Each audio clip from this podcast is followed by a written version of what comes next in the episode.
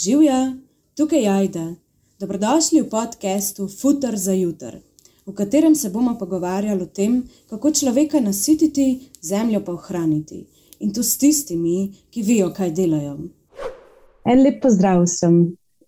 Danes je z mano Marko Majer iz Biro Veritas, ki ima v Sloveniji koncesijo za podeljevanje Evropskega ekološkega certifikata, pa tudi drugih certifikatov, ki zagotavljajo kakovost na različnih področjih. Danes se bomo posvetili predvsem ekološkemu certifikatu, ki ga vedno bolj pogosto najdemo na naših živilih. To je tisti zelen listek z zvezdic. Za začetek me zanima, kaj ta certifikat zagotavlja potrošnikom, ko kupijo izdelek, na katerem je ta certifikat. Ja, lepo zdrav vsem. Zdaj, ta certifikat potrošniku more zagotavljati to, da je bila vsa pridelava proizvodna, skratka, dodatno nadzorovana, prostovoljno in dodatno. Ne, ker zdaj, načeloma, vsi vemo, ne, da, da dejansko vsa zakonodaja, vso zakonodajo na področju živil, pridelave spremlja pač uh, pristojna inšpekcija, ne pač ta certifikat pa uh, pokaže to, da se je vsak proizvajalec, predelovalec uh, pripravljen podvršiti dodatnemu sistemu nadzora, preverjanja, in načeloma bi lahko ta certifikat končnemu kupcu uh, pokazati, da je pač proizvod, predelek res uh, pridelan, proizveden v skladu z normativi, uh, ki obstajajo na tem področju, to pomeni ekološka pridelava in predelava. Okay. Uh, mi lahko mogoče pomagate razložiti, kaj pomeni napis pod certifikatom, kot ga imamo, naprimer, ne vem, SI, Eko, nič, nič ena, oziroma v, velikrat se srečamo z nemškimi izdelki, oziroma ja. EOKO, nič, nič ena, oziroma Nicht EU ja. Landwirtschaft. Ja. Glejte, to, je, to je v bistvu uh, sistem označevanja pod evropsko oznako za ekološko pridelavo in predelavo. Ne, to pomeni, ko imamo to zeleno zastavico, z zvezdicami, in potem ta prva navedba pod tem logotipom, more, a ne v skladu z zakonodajo, mora biti naveden kontrolni organ, ki je preveril večinski del proizvodnje, oziroma eh, bi rekel, eh, ki je pokrival zadnji del proizvodnje. Zdaj, če vzamemo kompleten proizvodni proces, je od sprejema surovin proizvodnje, formiranja proizvode in na koncu embaliranja. Zdaj, predpakiranje še sodi v to, eh, v ta, v to oceno. Če pa, naprimer, govorimo za kakšne trgovske eh, označbe, ne, ker dejansko imamo tudi stranko, ki uh, prodaja samo trgovske blagovne znamke, pač uh, načeloma je označevanje zadnji del proizvodnje, ampak v tem koraku se ta eh, šifra spusti. Ena to pomeni, da preverja še pakiranje tega proizvoda na tiste certifikacijske organi, pač tam navedeno. Uh, to so uh, v bistvu te oznake, kot ste omenili, naprimer naša ESI ECO 003 je standardizirana oznaka oziroma je predpisana tudi v nacionalnem pravilniku, kako se morajo dejansko naši certifikacijski organi označevati z nekimi zahtevami, ki so že zdani v evropski regulativi, naprimer DE ECO 001, pač je sistem označevanja nemških certifikacijskih organov, in pa jasno, ne, zdaj, če povem v slovenščini, uh, pač kar pride pod to šifro, naprimer kmetijstvo EU, kmetijstvo no, non-EU, oziroma da je možna tudi. Uh, kombinacija, ne, to pomeni, da ni iz EU in EU, ne, to pa dejansko definira definira uh, poreklo primarne pridelave. Ne, zdaj, če govorimo naprimer jogurt, ne, če je mleko surovina predelana kompletno v znotraj EU, ne, se lahko označi kmetijstvo EU. Če je dejansko se pridela konkretno samo v Sloveniji, se lahko napiše tudi kmetijstvo Slovenije. Ne, tukaj je opcija, ampak morajo biti v bistvu tukaj tolerance 2%, ne to pomeni 2%, 2% je lahko tudi druge države, še zmerom lahko napišemo konkretno kmetijstvo Slovenije oziroma kmetijstvo EU. Tako da tukaj je pač sklicevanje na primarno predelavo in zdaj vas verjetno moti ta non-EU. Ker zdaj, naprimer, je pa tudi ogromno surovina, ne, pač, ki se uvažajo tudi sestavin pridelkov iz drugih držav, ne, ker jasno banane pri nas ne rastejo. Ne.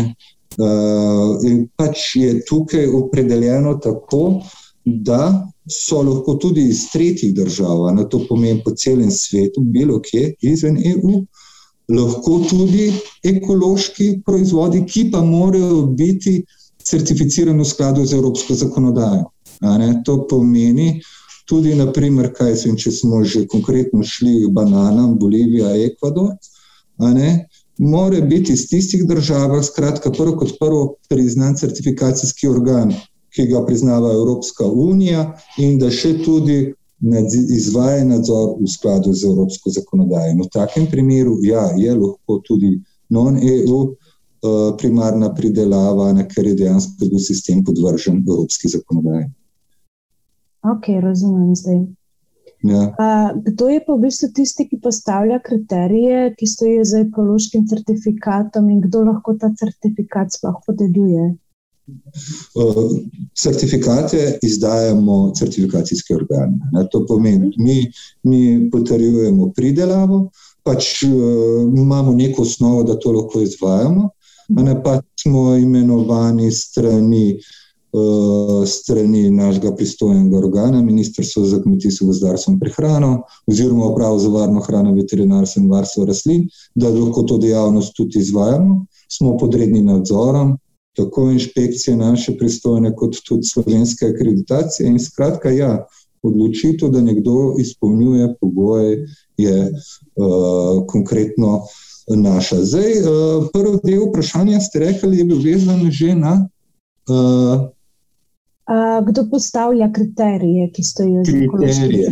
Se upravičujem, jaz sem se z glave ušlo. Kriterije. Kriteriji so postavljeni v zakonodaji kriterije, katere more pač pridelovalec, predelovalec oziroma kdorkoli se izvaja z ekološkim, ekološkimi kmeti, aktivnostmi, more spoštovati prvo kot prvo evropsko zakonodajo na tem področju, potem pa obstaja za določene segmente tudi nacionalna zakonodaja oziroma pravilnik o ekološki pridelavi in predelavi. Ker evropska zakonodaja v določenih točkah pušča določene zadeve, da se tudi posamezne države članice, oziroma ali postavijo mogoče kakšne strožje kriterije ali karkoli. Tako da, ja, obstaja tudi pravilnik, ne, ampak krovno, kar je, je evropska zakonodaja, kjer načeloma so opisana vsa pravila, ki jih morajo izvajalci spoštovati. Okay. Uh, zdaj, Vem, da morajo biti ekološko certificirani vsi v verigi, da je na končnem ja. izdelku lahko odstran ja. certifikat ekološki. Ja. Uh, kdo vse je to, če vzamemo za primer en izdelek, ki je predelan v Sloveniji, čist za primer sadni jogurt s slovenskim sadjem, pa en primer, če je izdelek iz surovin, ki naraste v Sloveniji, kot je naprimer čokolada. Ja. Uh, torej, ja, kdo je vse to pač? Uh, kdo je vključen v certifikacijski Tako, postopek. Ja, v celotno ja. to verigo. Tu je, tu je zdaj variant je neštetom. Zdaj, naprimer, če gremo k temu, da težemo, pač govorimo čokolada, kakav in mm -hmm. tako naprej. Zdaj, naprimer, vemo, kakava v Evropi ni, v Evropski uniji ga pridelava, kakava ni. To pomeni, da pač more uh, se zadeva uvoziti. In ta prvo, kar se moraš uh, certificirati, oziroma zdaj, če ti to izvajaš kot uvoznik, to pomeni, da, to, da ti uvoziš iz trete držav ekolo, ekološki proizvod. Kot sem že prej omenil, ne to ne glede, naprimer, je to slovna koščena obala ali ne bi savne, ker dejansko te plantaže uh, obstajajo. Ne? Skratka, znotraj te države bi mogel delovati certifikacijski organ, ki ga imenuje Evropska komisija in izvaja v skladu z evropsko zakonodajo te kontrole. In jaz sem bil že prisoten na teh kontrolah in moram reči, da so čist komplementarne z evropskimi glede zahtevnosti in, in, in karkoli. To pomeni, da se uvozi, to pomeni, da ta, kar certificira, tudi kupcu v Evropi izda, oziroma temu proizvajalcu izvozen certifikat v EU, da se ta zadeva lahko uporabi. Potem naslednji korak je, ko nekdo to spreme, zdaj ponavadi neka tako ustaljena pota, ne, da uh, ko to pride v Evropo, potem se pa to distribuira različnim akterjem, ne, in zdaj proizvajalcem čokolade v tem in drugačnem. Ne. In potem, ko naprimer pač tukaj je distributer in pa distributer, načeloma distributer, on si mora isto certificirati. Uh mhm. -huh. In potem zadeva pride do proizvajalca in tukaj pa dejansko se potem certificira kompletna proizvodnja ne, v smislu, da se res uporabljajo ekološke sestavine, da se uporabljajo v pravem razmerju, da se uporabljajo aditivi, ki so dovoljeni v ekološki predelavi in tako naprej. Ne. Tako da tukaj je, se pravi, tukaj v tem primeru je proizvodna, je proizvodna je spet nov certifikacijski postopek, potem v nadalje, ne, če se govori o TBZ-ju, -huh. Če je nekdo drug nosilec tega trgovske blagovne znamke, potem se še v smislu označevanja preverja tudi tega. Ne. Zdaj, vas verjetno zanima, kje pa trgovci v, tem, v tej zadevi. Zdaj, trgovine z pripadajočimi skladišči ne, so izuzeti iz postopka certificiranja. To, to je dejstvo. Ne. Pač, trgovina če govorimo o prepakiranih proizvodih in da ima samo pripadajoče skladišče, pač ni potrebno certificiranje. Takoj, ko pa se dogaja kakršna koli zadeva, naprimer razrez sira, dopeka, dopeka kruha, izdelava sendvičev, karkoli, kar načeloma ne delamo več s prepakiranimi proizvodi, potem pa zopet nastopimo mi ne, ker dejansko preverjamo tudi pri trgovci te posamezne segmente proizvodnje. Ne. Ampak načeloma še enkrat, ne, če ima trgovec samo predpakirane uh, proizvode, je pač izuzeti iz postopka certificiranja. Okay. Drugače so pa vsi stage, ni tako, da bi bilo, da bi bilo kakšni popustki. Ja, ja, razumem. Ja, tudi transport in tako naprej. Okay, torej, tako kot pravite, vi se preverjate tudi trgovce, ki prodajajo ja. izdelke z ekološkim ja. certifikatom. Uh, v katerih primerih pa najbolj? Kot sem že omenil, ne, v primeru najbolj pogosti, naprimer, kaj se jim dopeka, uh, razrezi v delikatesi, ne govorimo salame, siri in tako naprej. Okay. Uh, potem kot TBZ, ja, ne, v bistvu njihove trgovske blagovne znamke. Ne, ker zdaj moramo gledati, da pač oni so nosilci uh, te blagovne znamke, s tem, da proizvajalec nima vpliva na označevanje. Ne. Tako da tudi v primeru njihove blagovne znamke pač to preverjamo. To so v bistvu najbolj pogosti segmenti, ali pa naprimer prodajanje sadja in zelenjave v infuzi, kar pa moram reči, da je tega zelo, zelo malo, ne, da bi se dejansko v infuzi več ali manj sadja in zelenjava se uh, prodaja predpakirano, kar je pa en stran dober, da nam mora priti do zamenjave, po drugi strani pa spet veste, velika količina embalaže in tako naprej. Na plus in svoje minuse, seveda. Tako, tako. tako. A, kaj se pa lahko zgodi v primeru, da ugotovite, da nekdo, ki ima certifikat, krši kriterije? Ja. Mislim, zdaj kršitve so od do. Jeste, zdaj mi tudi uh, tekom kontrole, ko ugotavljamo, ne, uh, se pač držimo uh, določenih pravil. Ne, prvo kot prvo, uh, kakšen vpliv ima ta napaka na sam proizvod. Uh -huh. uh, drugo kot drugo, namerno, ne namerno, ne, to je za nas uh, zelo pomemben podatek. Tudi ena taka na podlage se katerega se ugotovimo. Ne, in zdaj, naprimer, v primeru, ne, če je bila nenamerna napaka, ki ni imela, nima vpliva na končen proizvod, je pa neskladnost, opredelimo to kot mehna neskladnost. Ne, vse, kar je, naprimer, ki vpliva na proizvod, je velika neskladnost. Ne, v tem primeru uh, pomeni, uh, pač, da ta proizvod, ki je sporen, umaknemo uh, z certifikata, oziroma če je cel proces sporen, ukinemo cel proces iz certifikata, oziroma odzamemo certifikat. Če pa zraven ugotovimo še, da je to namerno kršitev, ne to, kar ste. Ker je načeloma, jaz to ocenjujem kot neke vrste kriminalno dejanje, ne, v tem primeru pa to ocenimo kot hudo kršitev, ne stranko prekinemo pogodbene odnose, prekličujemo vse uh, veljavne listine, ki dejansko naše, ki so bile in zaključimo več ali nas tako stranko. In tudi obvestimo, tudi uh, glede tega obvestimo našemu pristojnemu organu prav za varno hrano, ne? tako da ja, ne prejetni se delamo. Se ne splača. To pa verjamem. Upam, da je tega čim manj. No, veste, kako bom rekel, še vedno se pojavlja. Ne?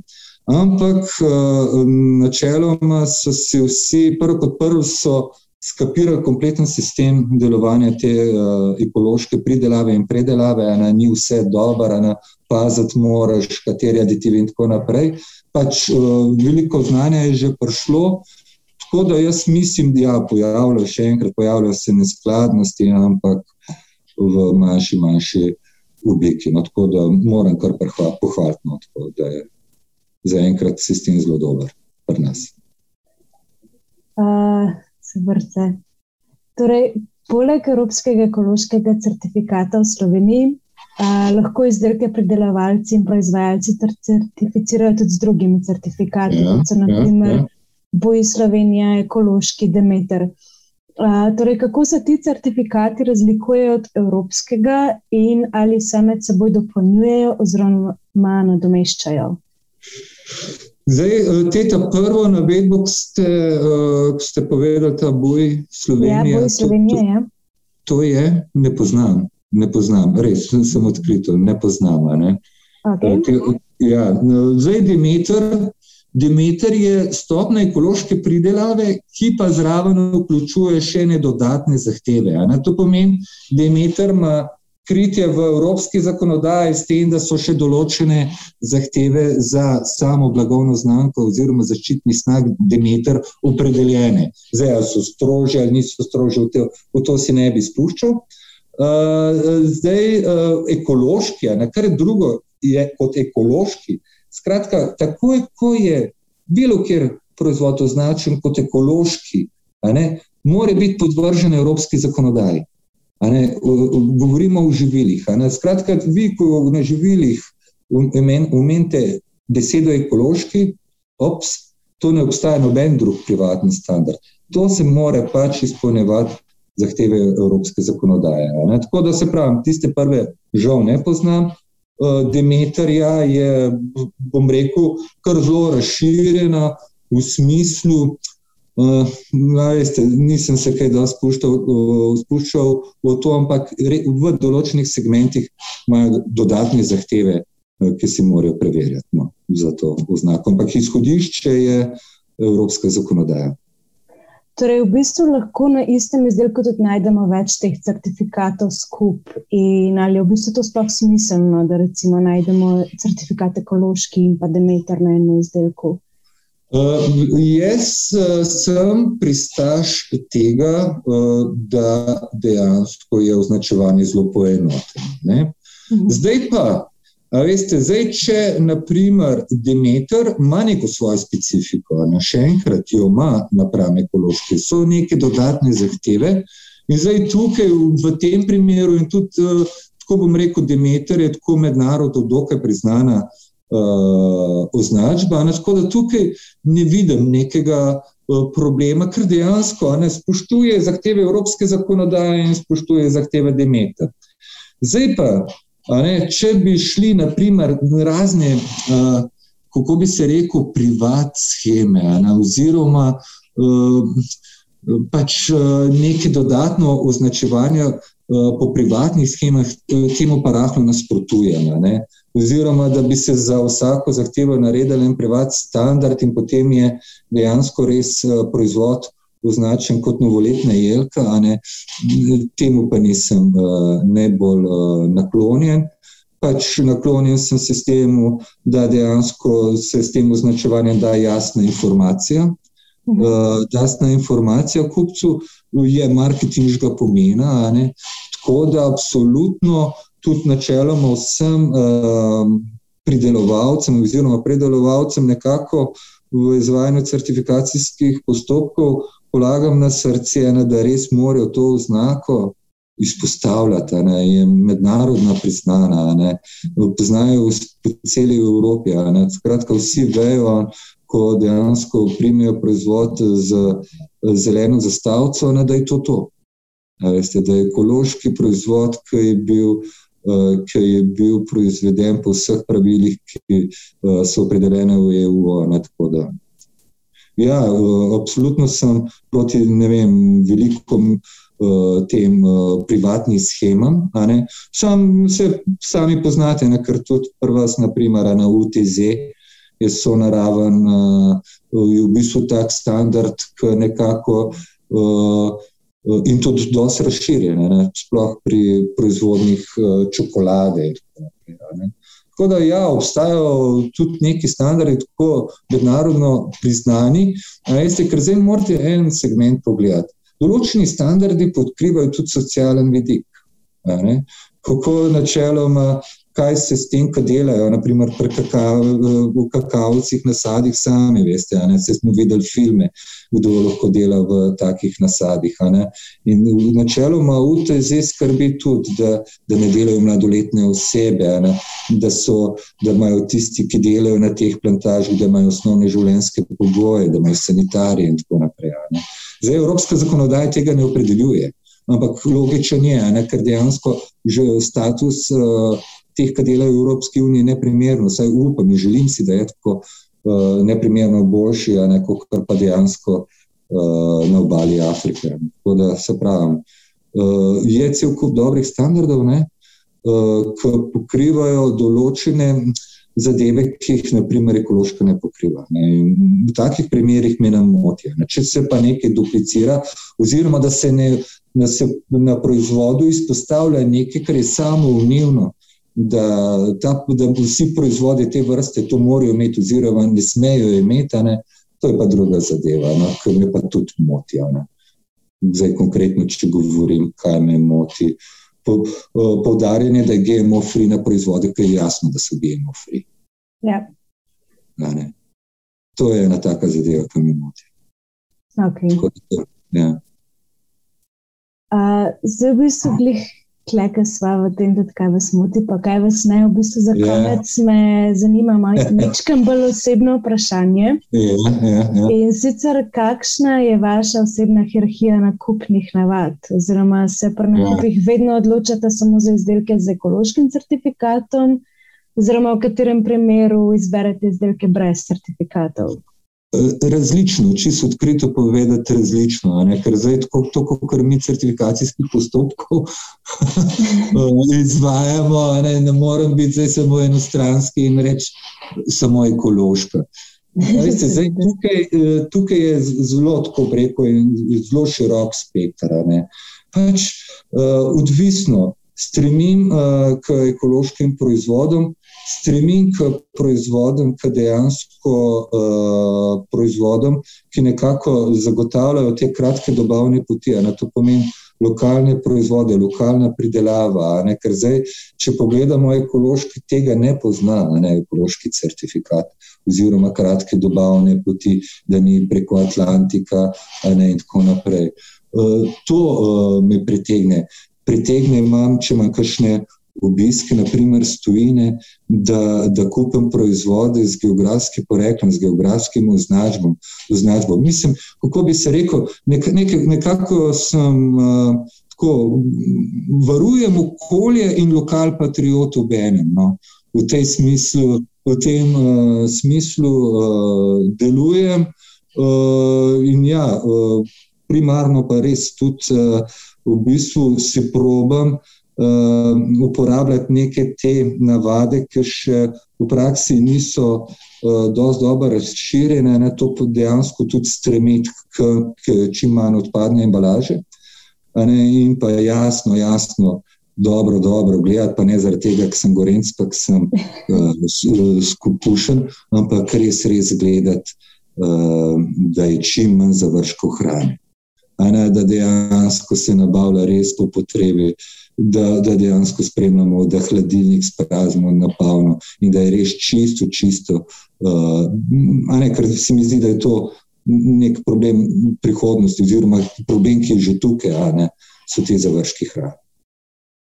Kar je pa tudi en tak vidik. Ja, takšen je moj pogled no, na mojo prehransko hierarhijo. Ok, super, hvala vam za iskrenost. Uh, ja. Hvala vam tudi, da ste si vzeli čas za ta pogovor. Uh, Vas poslušalce pa vabim, da Futur za jutro spremljate še naprej na podcastih, YouTube kanalu, Instagramu in pa Facebooku. Jaz grem pa naprej, da raziskovate naslednjič. Vam pa še enkrat najlepša hvala in uh, lep pozdrav. Hvala tudi vam. Naslednje, pozdrav. Hvala za posluh. Jaz grem raziskovati naprej. Sledite mi na Instagramu, tja mi lahko tudi kaj napišete. Futur za jutro.